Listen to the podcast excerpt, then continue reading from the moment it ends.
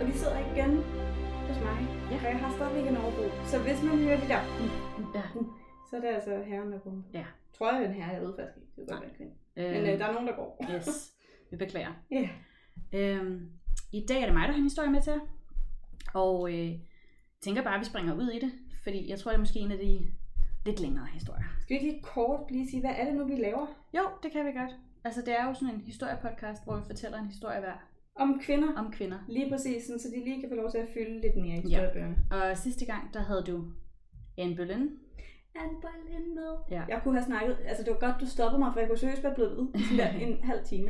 Det er en lang, men rigtig god episode, og ja. hun er simpelthen så cool. Og vi har også snakket om, øh, hvad hedder Harriet Tubman, vi har snakket om Moder Stebrit Mor Sibel, vi har snakket om kejserinde øh, Mathilda. Mathilda og Amelia Earhart, Ja. ja. og hende der den mega seje øh, mongolske. krigerprinsesse. Lige præcis. Ja.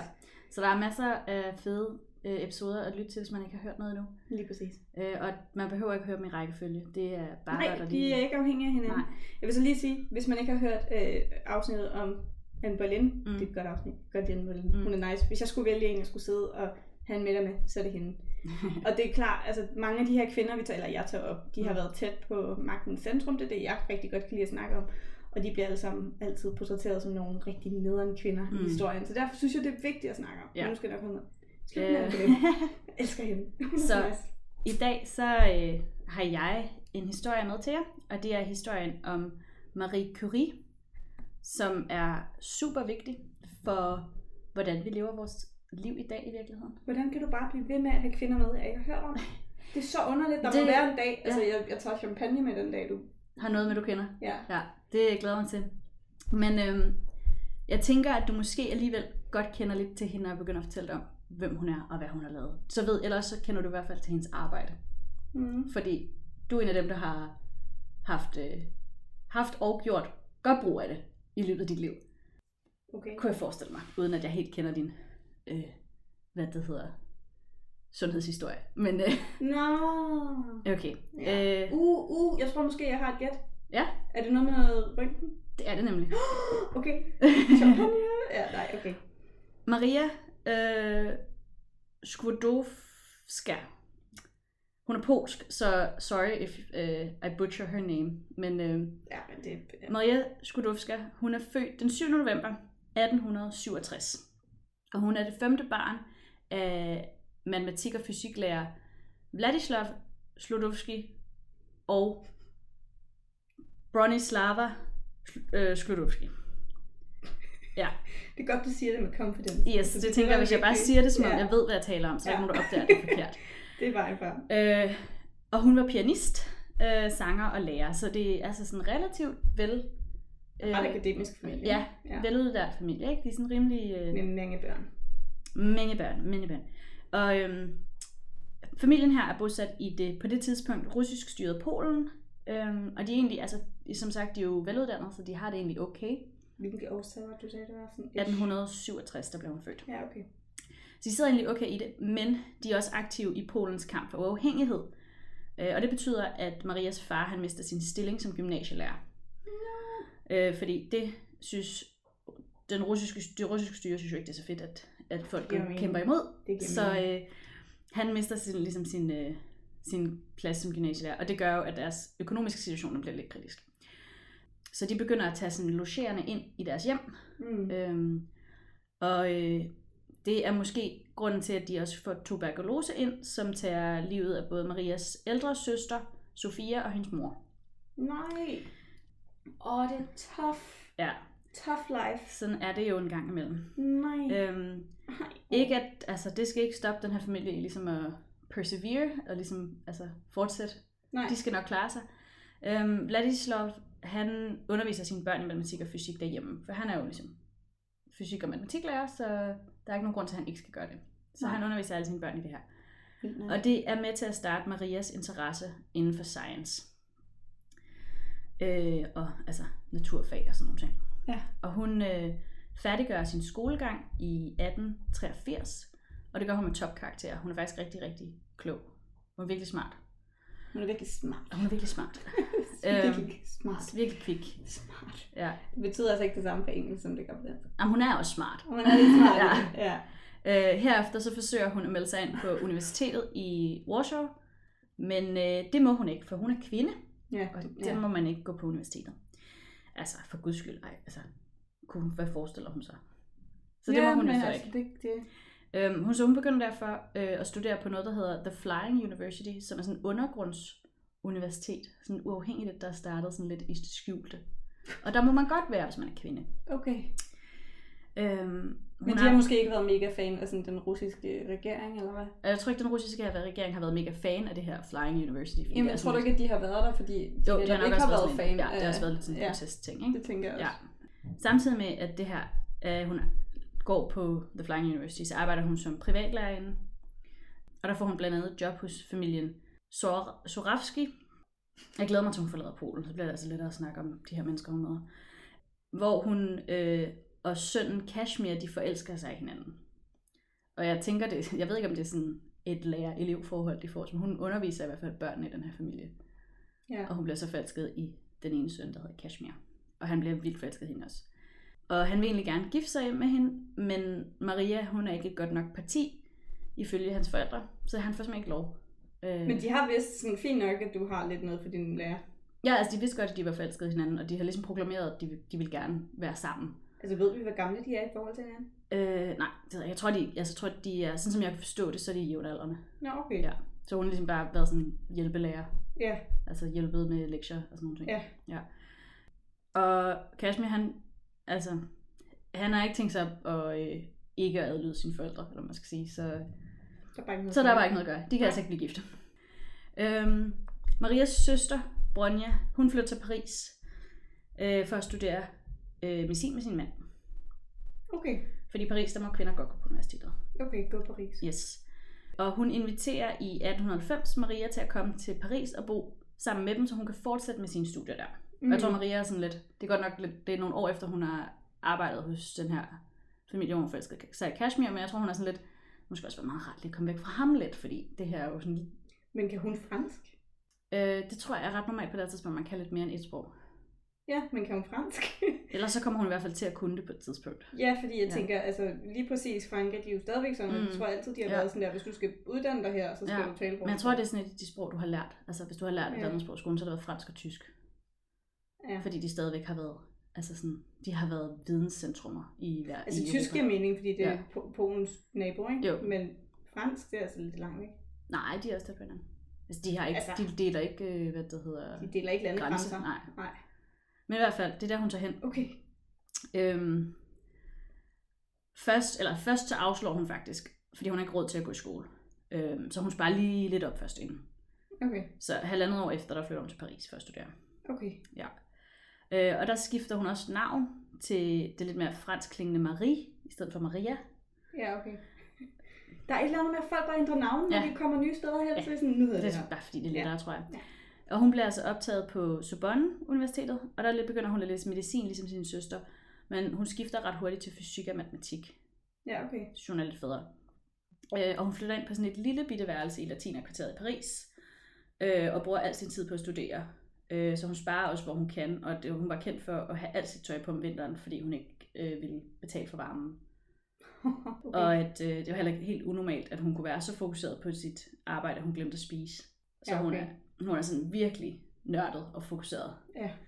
Øhm, og hun færdiggør sin uddannelse i fysik i 1893, og et år senere før hun gør sin uddannelse i matematik. Okay. Og kort efter, der begynder hun at arbejde som forsker. Og øh, der bliver hun introduceret for en fyr, der hedder Pierre Curie, fordi han har plads på sit laboratorium til, at hun ligesom kan stå der og arbejde lidt med sine egne ting. Ja. Og øh, Pierre, han finder hende utrolig interessant. Både hendes dedikation til sin arbejde, men også bare altså den person, hun er. Ja. Han synes, hun er lidt nice. Og altså, Sparks begins to fly. Og de bliver forelsket i hinanden. Marie, hun havde dog altid planer om, at hun egentlig ville tilbage til Polen efter sin uddannelse og arbejde der, fordi hun elsker simpelthen Polen. Altså, Polen er hendes et og alt. Ja. Øh, så selvom der er følelser mellem hende og Pierre, så rejser hun altså tilbage til Polen i 1894. Jamen, det er vildt, ikke? Altså, hvordan... What? Why? Ja. Altså, sådan, hvad, hvad er der i Polen, som ikke er i Frankrig? Ja, det kan man også. Det spørger Pierre hende også om. Han siger, du skal blive her, der er dine chancer meget større. Men Men det er hun, de jo hun også. elsker simpelthen bare Polen. Det er hendes moderland, det er hendes... Øh, Ja, ja, der er jo, det er jo, Ja. ja. ja. Og hun søger ind på en position på Krakow Universitetet, men hun bliver igen afvist, fordi hun er kvinde. Jamen, det er jo det. Det er jo Og ikke de er ændret ikke sig for helvede. Kommet videre i Polen. Så Så... Pierre, han skriver nogle breve til hende, og han overtaler hende simpelthen til at komme tilbage til Frankrig. Jamen, det er jo også det, der giver mening. Ja, og så øh, bliver de gift Ja, Ja. about time. 1895. Det var på tide. Yes, og de har et lykkeligt ægteskab. Ja. For en gang skyld i min historie. Ja, Så er men de, selvfølgelig har de da også det. Ja. De brænder for det samme. præcis. Og de får to døtre, Irene og Eve. Og det er lykkeligt, men det ender også ret en dag, fordi Hvem dør? Pierre Curie, han dør i 1906. Nå. Øh, I en ret tragisk trafikulykke, hvor han bliver, øh, hans kranie bliver simpelthen knust under en hestevogn. Hvad? Han bliver kørt ned af en hestevogn. Nej, nej, nej, nej, så nej, det er sådan nej, helt, helt tragisk, og øh, nej.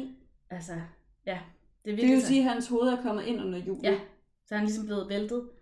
Af det første hjul, der er han sådan væltet ned, og så det andet hjul har ligesom kørt over hans hoved. Er han blevet væltet af det første jul? Ja, så han er gået ind foran hest, altså hestevognen, og så har han Mhm. ligesom væltet, og det første hjul er sådan kørt over hans krop, og så har han kommet til at ligge på en eller anden Hvor underlig ved du måde. det fra? fordi der stod der en kilde. At det var sådan, han var blevet knust. Det var sådan, at han var blevet kørt over. Ja, altså, Men men what- hvordan kan han først blive kørt over af et... Det, det kan jeg slet ikke se for altså, der er mig. jo to hjul på hver side, ikke? Ja, det der er kan fire jeg jo. hjul i ja, alt. ja. Så Ja. langt er den. Mm. Men han blev i hvert fald, altså han blev først ramt ligesom af det forreste ende, men det er, den, det er det bagerste hjul, der kører hans hoved over. Jeg kan ikke fortælle dig præcis, hvordan han er endt, men altså, Men han bliver kørt over af, af alle fire hjul. ja, det går jeg ud fra. Hvad med de der heste? Men De, de kan jo, altså jeg tror måske, de her undvide, altså de har jo reddet udenom ham, men vognen er jo større end hesten. altså. Ja, jo. Ja. ja. okay. Nej, det er da helt voldsomt. Det er heller ikke så vigtigt for historien, præcis hvordan han bliver Men det må kørt også over. bare have set voldsomt ud. Det tror jeg også. Altså det er jo virkelig en tragisk ulykke. Jamen, Altså, det er sådan en, der har... Og det er et voldsomt ulykke. Ja. Øhm, og det er også tragisk, fordi at Marie, hun er ikke i Paris på det her tidspunkt, så hun får det første ved et par dage senere, at han er død. Hvor er hun hen? Hun er, det kommer jeg til. Nå. Hun er ude at modtage en pris. Okay.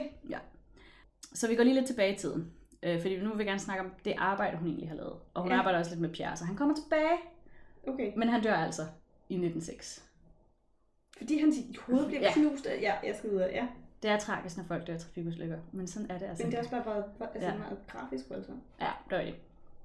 I 1895, der opdager Wilhelm Røntgen røntgenstråler. Hedder han røntgen? Han havde røntgen Det er derfor, man siger røntgen. Det går jeg ud fra. Det giver mening. Det staves ikke helt på samme måde som ja. Ja. det danske røntgen, men han er en tysker, og, altså røntgen, Røntgen. ja. Ja.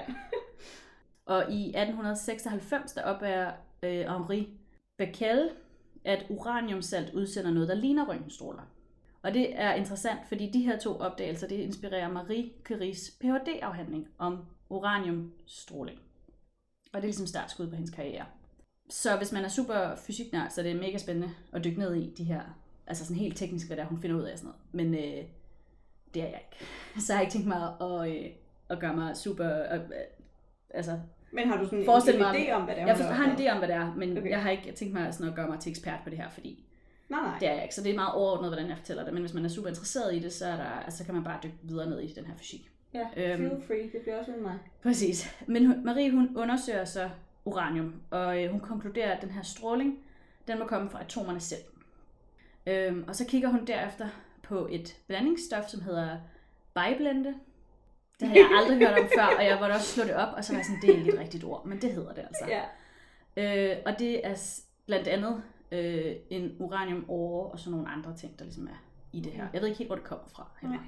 Og her der konkluderer hun, at der må være et eller flere andre stoffer, som også udsender radioaktive stråler, fordi strålingen i det der biblend er højere, end den er i ren uranium. Ja.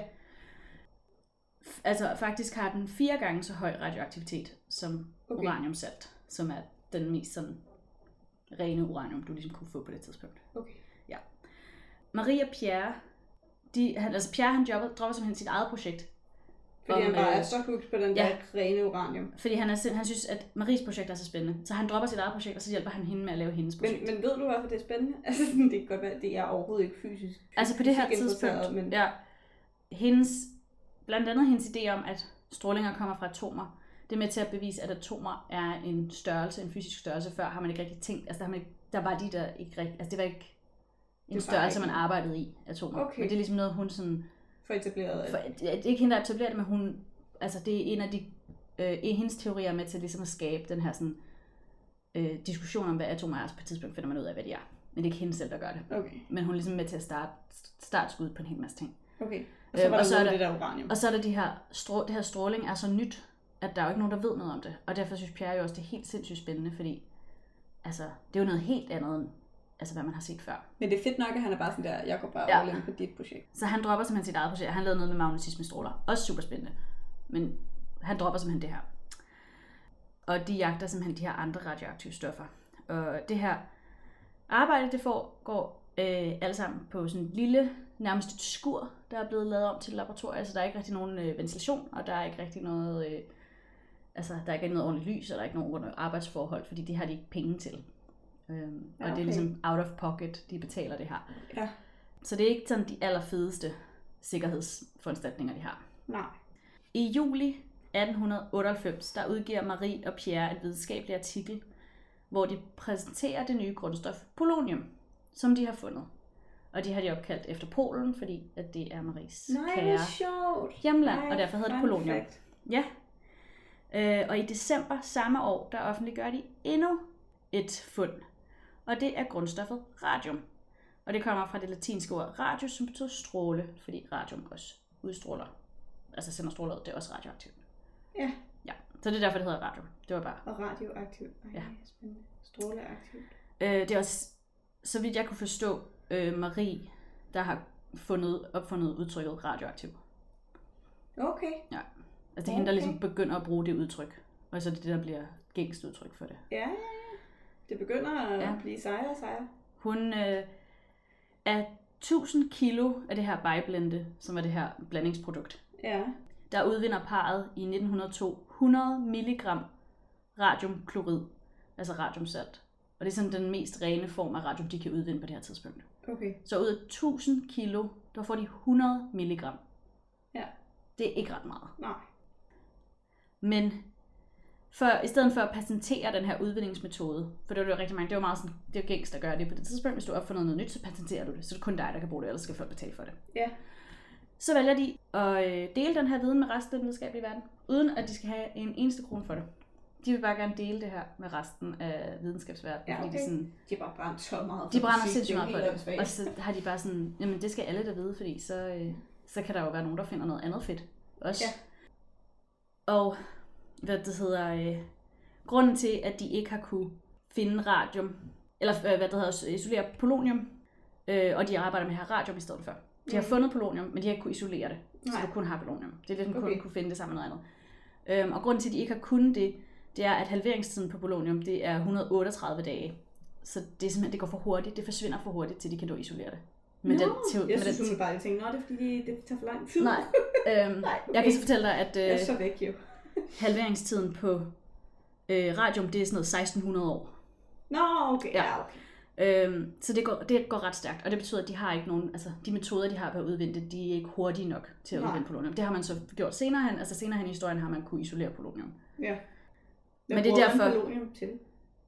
Det er et godt spørgsmål. Det er, altså, det er jo radioaktivt. Jeg tror faktisk ikke, man... Altså, fordi Bruger det det er primært uranium, du bruger til sådan atomkraftværker og sådan noget. Ja. Så jeg ved faktisk ikke, hvad man bruger polonium til. Okay. Det Jeg er ikke sikker på, bare- at man bruger det til sådan super meget. Igen, fordi det er ret svært at udvinde, fordi der, altså, du- det eksisterer kun i så kort tid. Så. Ja. Men Ja. hvorfor har man så brugt energi på at gøre det? Det er fordi, det var, altså, du skulle jo finde. Det, er, det tror jeg er sådan en videnskabsting, det der med at opdage, hvad der er. Ja, okay. Og så kan man sige, hvis ikke de kunne isolere det, så er det svært at bevise, at det er der. Ja. Og det ikke er Nå. noget andet. Ja.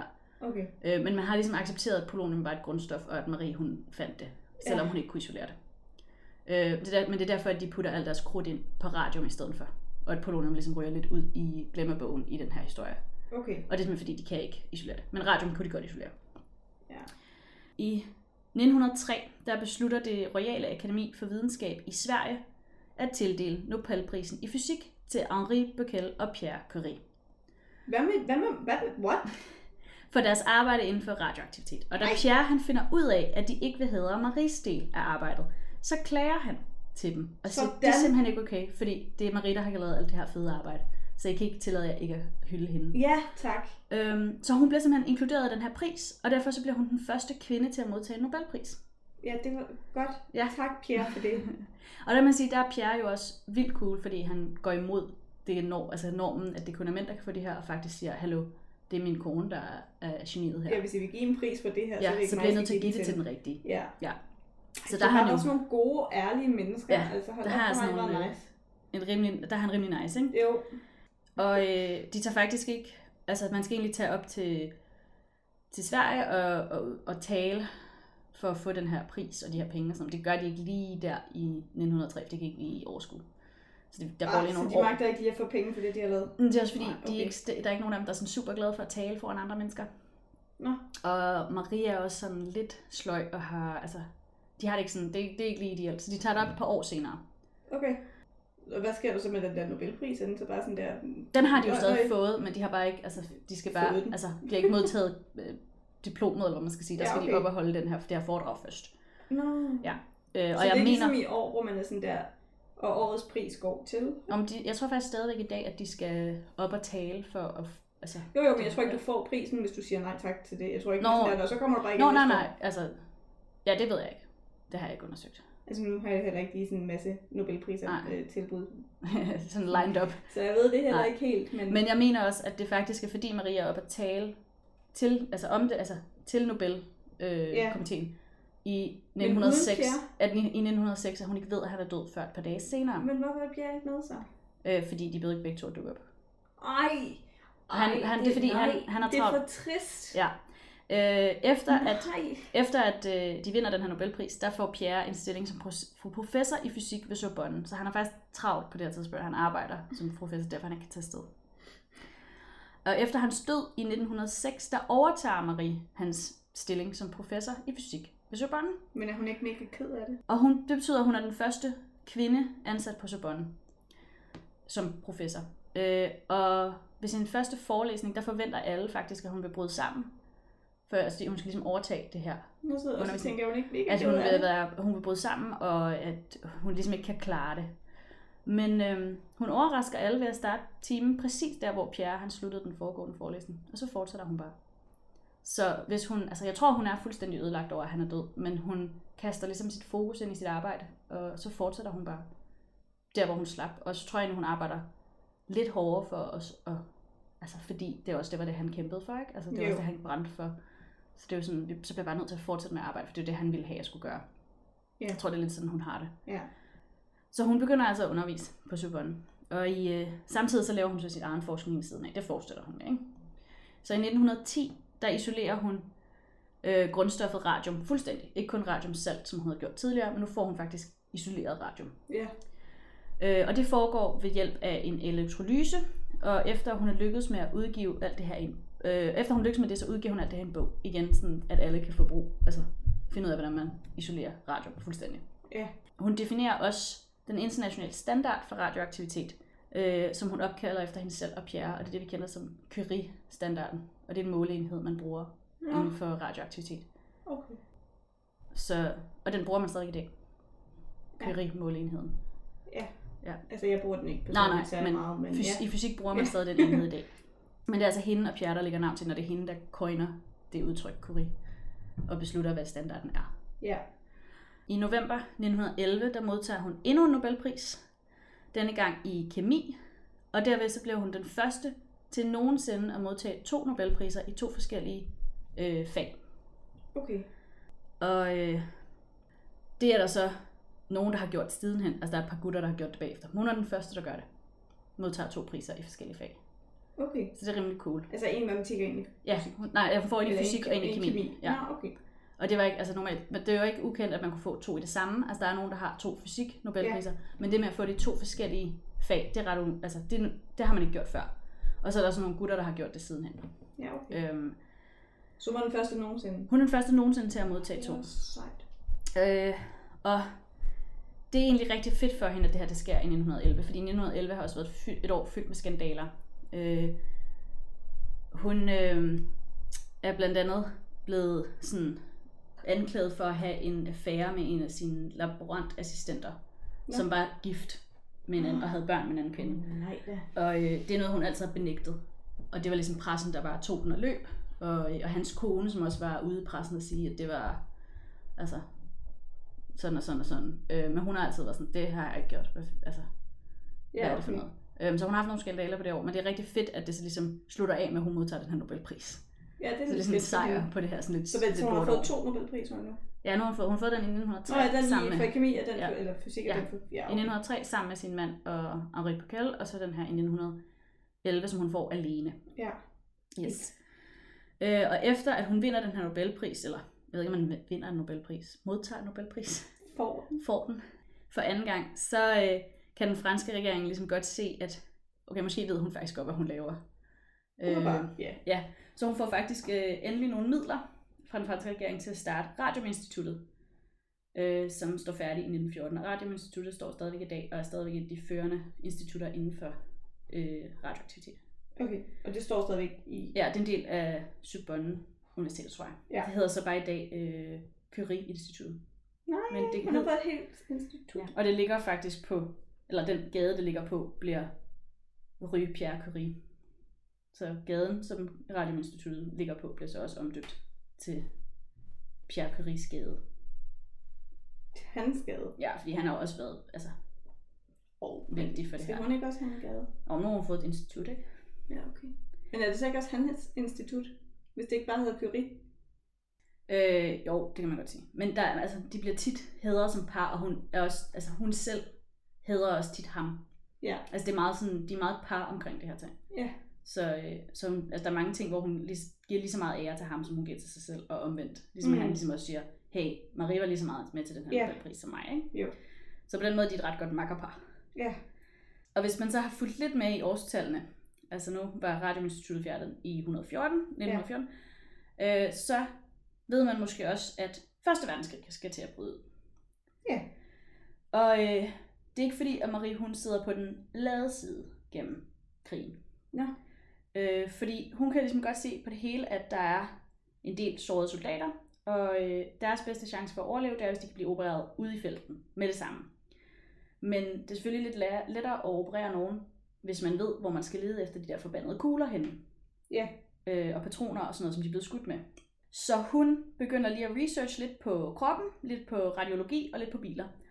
Og så bygger hun et Biler? mobilt røntgenscanner-system. Så det er sådan nogle, hun, det er som sådan nogle øh, kassevogne, hvor der er en røntgenscanner indeni. Så hun har en mobil røntgenscanner Okay. Ja, det bygger hun lige et par stykker af. Øh, og så bliver hun leder af Røde Kors radiologideling, og så underviser hun øh, senere i krigen en masse kvinder til at bruge de her røntgenskannere. Øh, hun on- opfinder også nogle små hule nåle øh, med en radioaktiv gas i, som kommer fra radium, øh, og det hedder, i dag kalder vi det radon, den her gasform. Mm. Det kunne nemlig sterilisere væv, og så det ville de sådan, ligesom øh, skyde ind i de her øh, soldater for at sterilisere det væv, der var skadet. Så de kunne operere på dem, uden at ligesom... Når de fik infektioner. Ja, og præcis. sådan For lige at prøve at afvirke, afvirke at de fik Mm. mm. øh, infektioner og sådan noget. Øh, og det her radium, som hun laver gassen af, det får hun simpelthen fra sit eget lille stash, som hun har samlet i løbet af, af sin karriere. Og der var en kilde, jeg læste, der påstår, at hun øh, redder, eller ble, behandler, eller ikke redder, men at der er op mod en million soldater, der bliver behandlet på grund af hendes indsat, indsats. noget. Vent lige, hvor mange? En million soldater, der bliver En behandlet, million, der bliver behandlet. behandlet på grund af hendes indsats. Det er også mange mennesker. Ja, det er rigtig mange mennesker, hun potentielt har reddet fra Altså, Altså, for sit eget lager. for en, også. for en rimelig pinfuld død, ikke? Jo. Så man kan godt, altså, der er mange, der siger, at man ikke godt kunne argumentere for, at hun fortjener en Nobelpris mere for det arbejde, hun udfører under krigen. Øhm, men hun får faktisk aldrig noget anerkendelse for det arbejde. Nå, Så nej. Hvorfor ikke? det, det gør hun bare ikke. Altså hun får aldrig, hverken fra den franske stat, eller når hun får aldrig anerkendelse for det arbejde, hun gør under 1. verdenskrig. Nå. Med de her røntgenscanner og sådan nogle ting, som er skældsættende for at redde de her mennesker, der er blevet skudt og ligger ude på de her Men vi ved jo felthospitaler. heller ikke, hvor mange hun reelt har reddet. Altså, det kan jo godt være, at hun har været med til at behandle en million, Ja. og det er så 30 dog. Jo, jo. Altså, sådan, vi ved jo ikke. Men det er stadigvæk skældsættende det her med, at man kan have et mobilt røntgensystem. Ja, ja. Så uanset hvor mange hun har reddet, så er det en kæmpe indsats, og hun har gjort det ud af, sin, af sit eget, altså sine egne midler. Ja, sin egen penge. Efter krigen, så fortsætter hun øh, arbejdet på det her radioinstitut, øhm, og øh, instituttet har i sin tid produceret fire Nobelprismodtagere mere end hende selv. Eller inklusiv hende selv. Nej, mere end hende selv, ikke? Men det er inklusiv hendes datter, Irene, og Irenes mand. De modtager den øh, for det, der hedder kunstig radioaktivitet i 1930, tror jeg. Eller deromkring. Modtager hvad? øh, en Nobel, altså hendes datter Irene og, og Irenes mand, de modtager en Nobelpris for kunstig radioaktivitet. At de er ikke den familie, der har fået flest Nobelpriser. Jo. Altså, det er jo helt vildt. Øhm, og så er der nogle andre, der også, som også har gået på Radioinstituttet, der også modtager Nobelpriser. Øhm, hun rejser også lidt rundt i verden øh, og hjælper med at starte et radioinstitut i Warsaw. Øh, og det bliver hendes søster så senere leder af. Så der er meget det der med, at man De lige er meget hjælper, glade for, at for, hjælper familien. Ikke? Ja. Ja, de er meget glade for Struer. ja, og det er sådan en super øh, naturvidenskabelig familie, det her. Øh, ja, det må man sige. Altså. hun er på rundrejse, hvor hun også tager til USA, og der modtager hun 1 gram radium af den amerikanske præsident i 1921. Og det er nok kommet i handy, fordi hun har brugt ret meget af sit eget stash under krigen. Ja. Så det er ret fedt. Øh, Og grammet det er indsamlet via donationer fra amerikanske kvinder. Øh, Det var Og det, det- der, der var vildt svært at lave, ikke? Altså det, der Jo, var det er sådan man ret skulle svært. bruge helt vildt meget til Jo, at prøve. ja. Ja, okay, så et gram. Det er også svært at faktisk- finde. Wow. Øh, Og journalisten Marie Maloney Mattingly er sådan hende, der har stået for den her indsamling. Og hun er Ja. sådan en kæmpe fan af Marie Curie. Hun har også skrevet nogle altså, biografier og interviewet hende og alt muligt. Mm. Øhm, og på det her tidspunkt, hvor de indsamler et gram radium til hende, der koster et gram radium cirka 100.000 dollars. Og det er så... Og det er ikke 100.000 dollars i nutiden? Nej, det er 100.000 dollars dengang. Ja, okay, det er mange penge. Ja. Ja, og det er en- altså i 1921. Er det er rigtig mange? Ja. Så det er pænt dyrt, så de har haft mange, altså det har jo så været en indsamling, så der er mange, der har doneret til det her, Ja, så de kunne købe et gram. det er bare om ikke at miste det der. der Ja. Gram, ikke? Altså, skal Øh. ikke tabe det. Ja, det er det. Og i øh, 1926, der besøger hun faktisk København for at give en forelæsning på, det polytek- på den polytekniske læreranstalt. Og sådan tiden efter krigen her, det går egentlig stille og roligt. Altså hun hygger sig lidt med lidt forskning, og hun er rundt og snakker lidt, og Hun bliver ikke gift igen. nej, det gør hun ikke. Øhm, I starten af 1934, der besøger hun sit elskede Polen for sidste gang. I 34. I 34. Ja, okay. Øhm, fordi den 4. juli 34, der dør Marie, og hun er 66 år på det her tidspunkt. Hvad dør hun? Hun dør på et sanatorium i Pass i Frankrig, og hun dør af en blodsygdom, som har et langt, fint medicinsk navn på engelsk, og jeg kunne ikke finde ud af, hvad det hed på dansk, for det var bare det samme. Ja, Og jeg var sådan lidt, det kan jeg ikke udtale det her, og jeg kommer aldrig til at kunne udtale. Men det er en blodsygdom af en slags. Det er sådan lidt eller leukemi, men det er ikke leukemi, så vidt jeg kunne forstå. okay. Øh, hvad det hedder. Men det er heller ikke vigtigt præcis, hvad det er, hun dør af. Det, der er vigtigt, er, at man er ret sikker på, at hun har fået den her sygdom, fordi hun er blevet eksponeret til radioaktivitet i så lang tid gennem sit arbejde. Ja, På det her tidspunkt, hvor hun arbejder med radioaktivitet, der ved man ikke, hvor farligt det er på f- kroppen nej. at blive udsat for de her stråler. Så Marie og Pierre, for den sags skyld, han døde så bare før, at det kunne have sådan en stor indvirkning på ham. De, øh, de håndterer de her radiumprøver uden beskyttelse af nogen art. Og de Ja. har det her dingy lille laboratorium til at starte med, som ikke har god udluftning, som jeg snakkede om før, Mm. og dårlige Det forhold. er ikke? vildt nok, at der ikke er sket mere. Ja. Faktisk. øhm, Marie hun gik simpelthen rundt med de her radioaktive isotoper i sine lommer. Hun havde dem i sin skrivebordsskuffe, hvor hun også lagde mærke til, at de afgav et øh, lidt lys. Sådan, de er lidt selvlysende. det lagde hun mærke til. Øh, men tænkte ikke videre over det, kan man sige. Så hun, er simpelthen, og hun var også udsat for stråling, mens hun arbejder ude i felten Ja. øh, under 1. verdenskrig.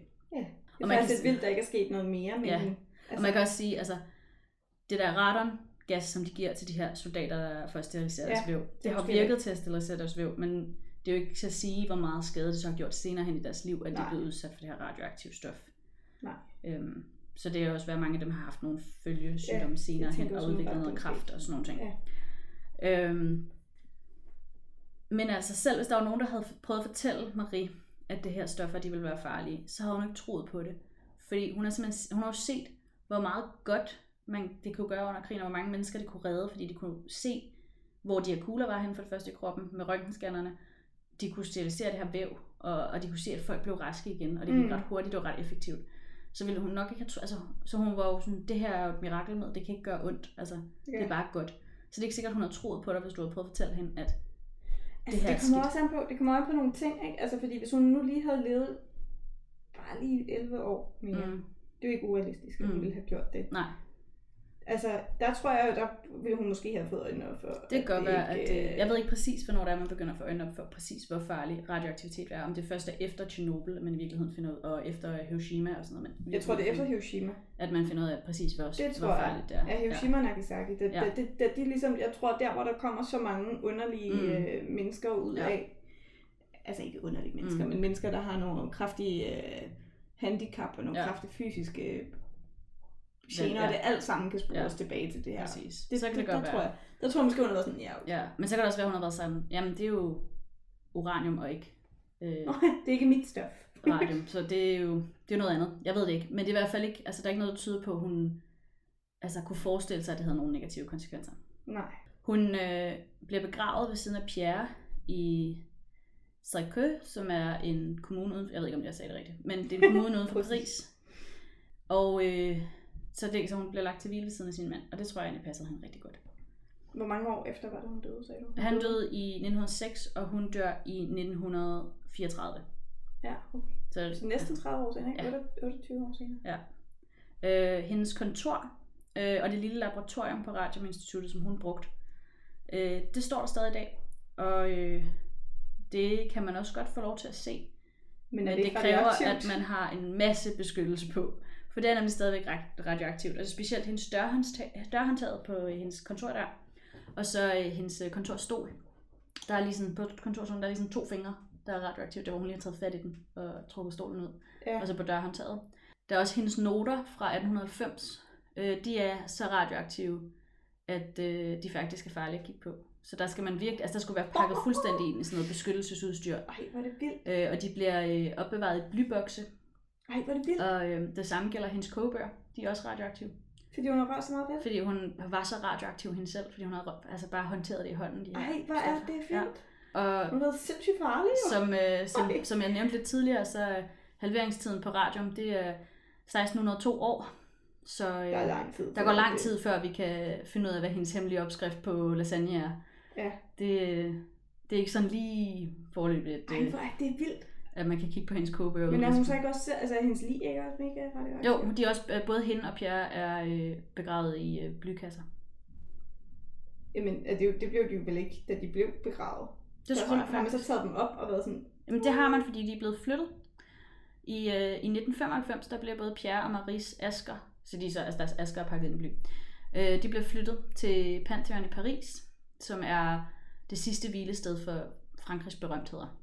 Men, Øh, men vil- vil det sige, at de er blevet brændt, og så er asken stadigvæk radioaktiv? ja. Så man kan slet ikke komme væk med radioaktivitet? altså, det, jo, jo, når halveringen, altså, det ligger jo, det er jo Ja, en ja, halveringstid, men, ja. men, Nej, men det- du kan brænde det, og Ja, det ja, kan bare stadigvæk forstår jeg, være ja. pisse radioaktivt.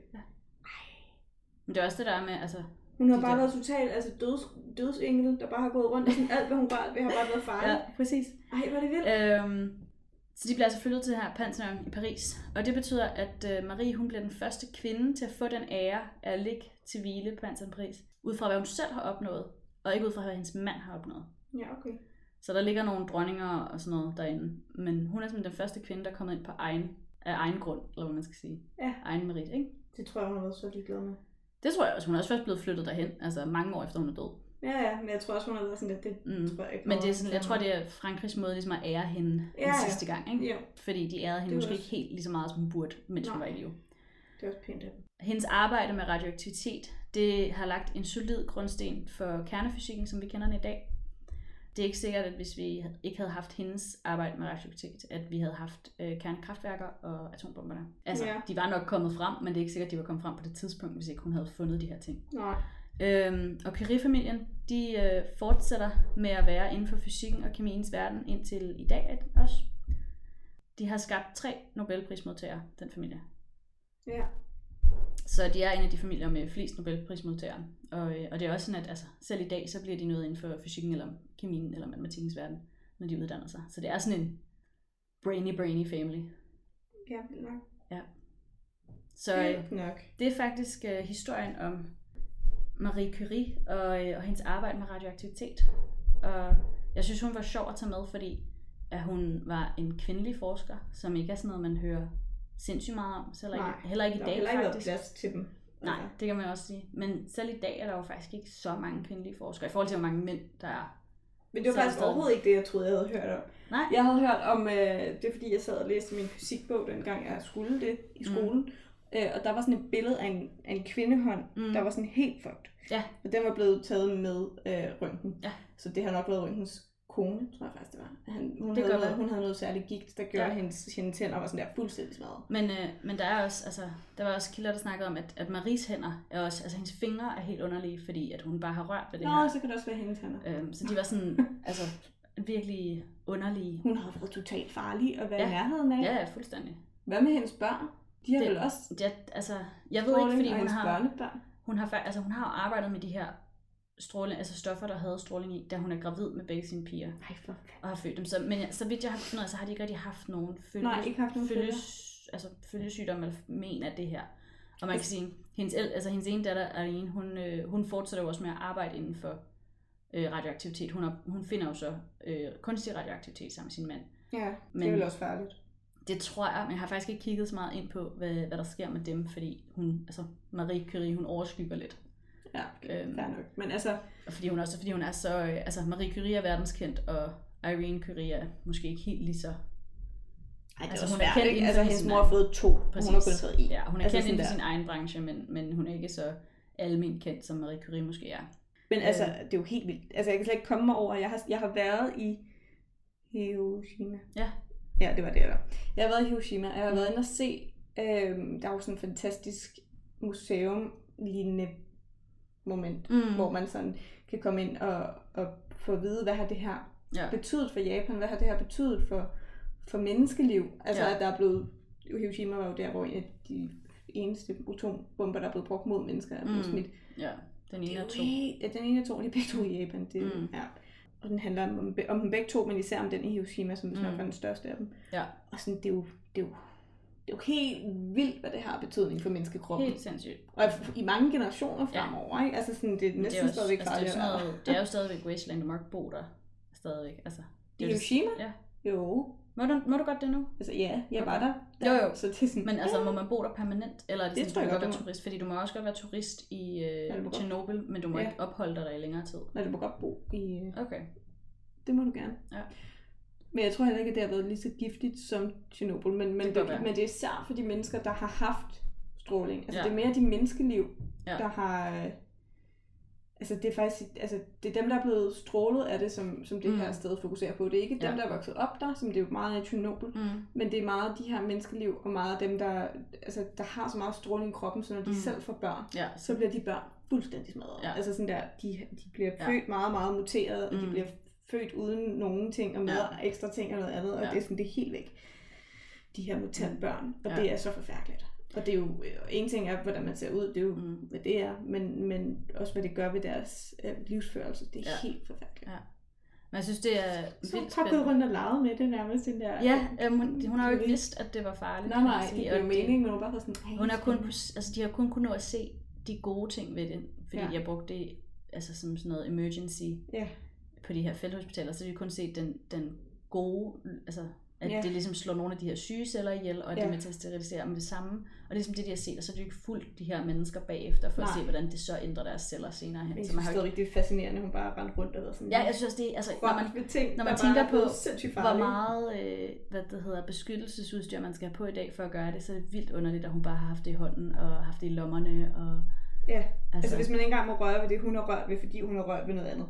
Altså Ja, så er det jo altså altså helt sådan- sådan, væk, hvor, hvor, Hold- hvor ja. giftig hun har været. De er simpelthen så, øh, altså, de er så radioaktive, de der, øh, hvad det hedder, Dørhåndtaget. dørhåndtaget. Og, altså, det er noget med, at dørhåndtaget er, jeg tror, at dør, dørhåndtaget er 10 gange så radioaktivt som baggrundsstrålingen, og f- øh, stolen er 5 gange så radioaktiv som baggrundsstrålingen. Hun har jo været sådan der tusind gange, så Så radioaktiv det- som noget som helst. Det ja. har været helt Så vildt. det er sådan helt, det er helt Ej, hvor vildt. er det crazy. Øh, og hendes noter er også noget sindssygt meget mere radioaktiv baggrundsstrålingen, så det altså... Men hun har jo også, altså hun har været decideret farlig at være i nærheden af. Ja, og jeg tænker lidt, fordi der er den her, øh, der er historien om de her radon, radonpiger, som, øh, som bliver syge, fordi de skal male med radonmaling, som er til lysende. Nå, Og så får de, det, det er en anden også. Det er ikke en specifik kvinde, men det er en ret sindssyg historie. Og de får, de får nemlig sådan selvlysende knogler. Aha. Øh, så jeg tænker, om hun også måske har haft selvlysende knogler. det må hun have haft. Altså om hun har kunne lyse i mørke. 100 procent. Det kan godt være. Det stod Det- der ikke noget om. Jeg kunne ikke finde noget om det. Jamen det har hun. Det ved man bare ikke, fordi hun er blevet brændt, men det har hun. Det, jeg Nå, men ved altså, ingenting, måske men har de det vidst- tænker jeg. Men du ved, Altså, hun kunne også have lyst i mørke, mens hun var i live, jo. Det var det, de her radonpiger. Ja, radonpigerne var selvlysende, mens de var i live. Hvad? Ja, fordi deres knogler blev selvlysende, så kunne man se dem. Altså, så skinnede deres hud, ligesom. Det skinner sådan gennem huden. Ej, hvor uhyggeligt. Ja, altså, prøv, altså, jeg kan kun anbefale, at man prøver at finde ud af noget om de her radonpiger. De er vildt. Der er nogle bøger omkring, der er nogle podcasts. Det er en vild historie. Så vent, når de ligger og sover om natten, så har de ligget sådan, sådan nogle små spøgelser, der bare Mm. har været sendt. Ja, nogle af dem, altså ikke dem alle sammen. Men Nej, nogle af hvor dem, nøjer. Jeg kan kun anbefale, at man lige prøver at undersøge det. Men der er jo ikke nogen, der har sindssygt vidst det. sjovt. Altså, hun har været enke. Ja, det er rigtigt. Hun har jo ligget alene. Ja. Der har ikke været nogen til at Nej, sidde så og skal kigge det på hende være, om hvis, natten. altså, når hun har arbejdet til sent på laboratoriet, så hun så har haft nogle assistenter, så kan det være, at de har været sådan, hvorfor lyser du? Eller Hvis hun du selv kan- lige har været sådan der. Ja. What? Ja. Hun laver så har mærke hun til, nok at det ikke gjort var det. selvlysende, det der var i skuffen, så, Ja, det er Ja. rigtigt. så hun er måske Ej, så har hun nok ikke været så selvlysende. Nej, det er heller ikke sikkert, hun Det har. har jo ikke været arbejdet sådan der til- total... Øh, Jeg tænkte bare på det, fordi at der er, de der radonpiger har så mange følgesygdomme og så mange ting, der går galt med dem på grund af deres sådan, indtagelse af det, at, øh, at det kunne bare være spændende at vide, hvordan, altså, om hun også har været, øh, har været, har haft nogle af de her ting. det, må hun have, det må hun have haft. Ja, jeg tænker Altså, også, hvis hendes dørhåndtag nu ja, er Men for igen, farligt at røre altså, ved, hendes fingre og hendes hænder så lidt underlige ud, fordi hun ligesom havde håndteret det. Når du siger, at de så underligt ud, Jamen, de er sådan, altså, jeg vil ikke sige, at de ser sådan forbrændte ud, men det er lidt derhen, altså, de ser sådan bare lidt okay. sådan lidt, sådan husker jeg i hvert fald, jeg så et billede, de er sådan lidt mm, sorte i fingerspidserne. Men det gør ikke ondt på hende. Hun klager ikke over smerten. Altså, det er i hvert fald ikke noget, jeg har kunne finde, men jeg tror heller ikke, hun er typen, der klager. Altså, hun, arbejder, hun er jo typen, der arbejder igennem alle måltiderne. Altså, Ja. Så jeg tror ikke, hun er typen, der klager, hvis der er noget, der gør ondt. Nej. Nej. Så fortsætter hun nok bare. Ej, hvor er det vildt. Ej, hvor er det Ja. vildt. Jeg synes, det vildeste er bare, at hun har rendt rundt og været mega farlig. Det synes jeg, men, altså, ej, jo, det synes jeg også er vildt, men jeg synes også, det er vildt, at hun har vundet to Nobelpriser. Det er det også. Det er vildt. Ja, og der er kun, altså det er hende og to andre, der indtil videre har formået at vinde to Nobelpriser i to forskellige fag. Ja. Øhm, og de andre, det er sådan noget Totalt litteratur- og fredsprisen, eller sådan Ja. ja. noget. Altså hun er rimelig hardcore, fordi det er to videnskabsfag, hun har vundet i. ikke? Ja, hun- De andre hun er- sådan lidt hun er mere vild bløde nok. fag. Ja. Men øhm, Men Det jeg er var faktisk sådan- lidt glad på hendes vegne over, at hun døde inden 2. verdenskrig. Ja. Jeg tror slet ikke, hun har kunne håndtere, at Polen blev smadret så meget af Tyskland. det er rigtigt. Det tror jeg faktisk ikke, hun ville, at Ja. hendes folk bare blev Der var faktisk også, øh, massakreret. Altså, altså da der begynder at være sådan lidt, det er inden 2. verdenskrig alt det her, men der begynder jo at være sådan lidt jødehad inden da. Altså, ja, ja, sådan, det har været længe. ja, der er også nogen, der prøver at starte et rygte om, at hun er jøde. Ja, Øh, selvfølgelig. og det er hun overhovedet ikke, altså der er ikke noget jødisk blod i hende. Nej, nej, men, Men- men altså sådan der, jøder har været ja. Ja. hadet altid. Ja. Ja. Altså det er først efter 2. verdenskrig, at de holdt lidt op med ja. Ja. at være hadet. Men, øh, men der var nogen, der prøvede ligesom at, at grave lidt i hendes familie og påstå, at hun var og jøde. Og der måtte hun bare være sådan, øh, nej, det er jeg ikke. Nej, men hun vil, jeg tror virkelig, det ville have ødelagt hende. Det tror jeg også. Og også at se altså, stråling blive brugt på den måde, det endte med at blive Ja. brugt på. Jeg tror virkelig, det er godt, hun døde inden. Jeg tænker, det er, det er faktisk helt okay. Ja. Hun, øh, hun var også med i nogle sådan ret seje forsamlinger og en masse øh, hvad der hedder, videnskabsmænd på det her tidspunkt. Øhm, og Albert Einstein, han øh, udtalte sig om hende, at hun, øh, hun var nok den eneste, eneste videnskabsmand, kvinde, øh, som ikke var blevet korrupt af, af, altså, af at blive berømt. Nå, jeg var altså, at hun ikke... At det handlede aldrig om Det penge. har aldrig stedet ind til Det, hovedet. han- ja, præcis. Det handlede aldrig om penge, og det handlede aldrig om, hvor berømt hun var. Hun, Det handler hun om var bare- videnskab. Ja, det handlede bare om videnskab. Mm. Mm. Hun var ligesom den eneste, der ikke blev forblændet af det her. Ja. Altså den her prestige, man kunne få. Mødte han hende? Til, på sådan, de snakkede sammen på sådan konferencer og sådan nogle ting. De, hun gik rundt og holdt foredrag forskellige steder Ja. og sådan noget. Der mødte, de har, så hun har mødt Albert Einstein. Ja. Ja. De har jo også haft, altså deres arbejde har jo også været øh, tæt på hinanden. Det han lavede, altså Ja. ja. i forhold til atombomben, har jo været ret tæt op af, hvad hun har gået og lavet. Ja. Så, øh, så de har jo været i de samme kredse, kan Og man de sige. har bare været pisse dygtige begge to. Ja. Sindssygt godt. Ja. Vildt. Så øh, det var historien om den første kvinde til at modtage en Nobelpris, og den første til at modtage to i Nogensinde. forskellige fag. Ej, men hun er Ja, jo for vild. det er Og jeg kan rigtigt. stadigvæk ikke komme over, at man kan blive kørt over en hestevogn. Og så... Ej, nej. Der er der mange, der er blevet. Det er Og, ikke men særlig med vildt. hovedet, altså sådan, nej, nej, han er også faldet Og uheldigt. Det er og virkelig sådan, synd for åh. ham. Ja, det er Nej, men virkelig det synd. er faktisk ret heldigt for ham, fordi ja. jeg Ja. tror ikke, det er sjovt, hvis det bare er dine ben, der bliver kørt over. Ej, det er næste rigtigt år. nok. Men altså, det er stadigvæk tragisk, at han skulle køres over en hestevogn. Jeg kunne ikke lige Men men, taget øh, med til jeg tror, at øh, Sverige. vi stopper for i dag, Ja, det gør vi. fordi øh, det var en, en længere en af, af slagsen, dem her. Men vi håber, at det har været spændende nok. Ja, og kvinderne skal have lov til at fylde det i historien, de, de Præcis. nu engang er fyldt. Ja. Så det må blive så langt, som det bliver Øh, men øh, kvinde kend din plads, i historien, så siger vi øh, men tak også i for dag faktisk. Ja, også i dag. Men øh, Bare kend din plads. kend din plads. Ja. Og så siger vi øh, tak for i dag. Ja, og på genhør. Ja, vi ses. Vi ses.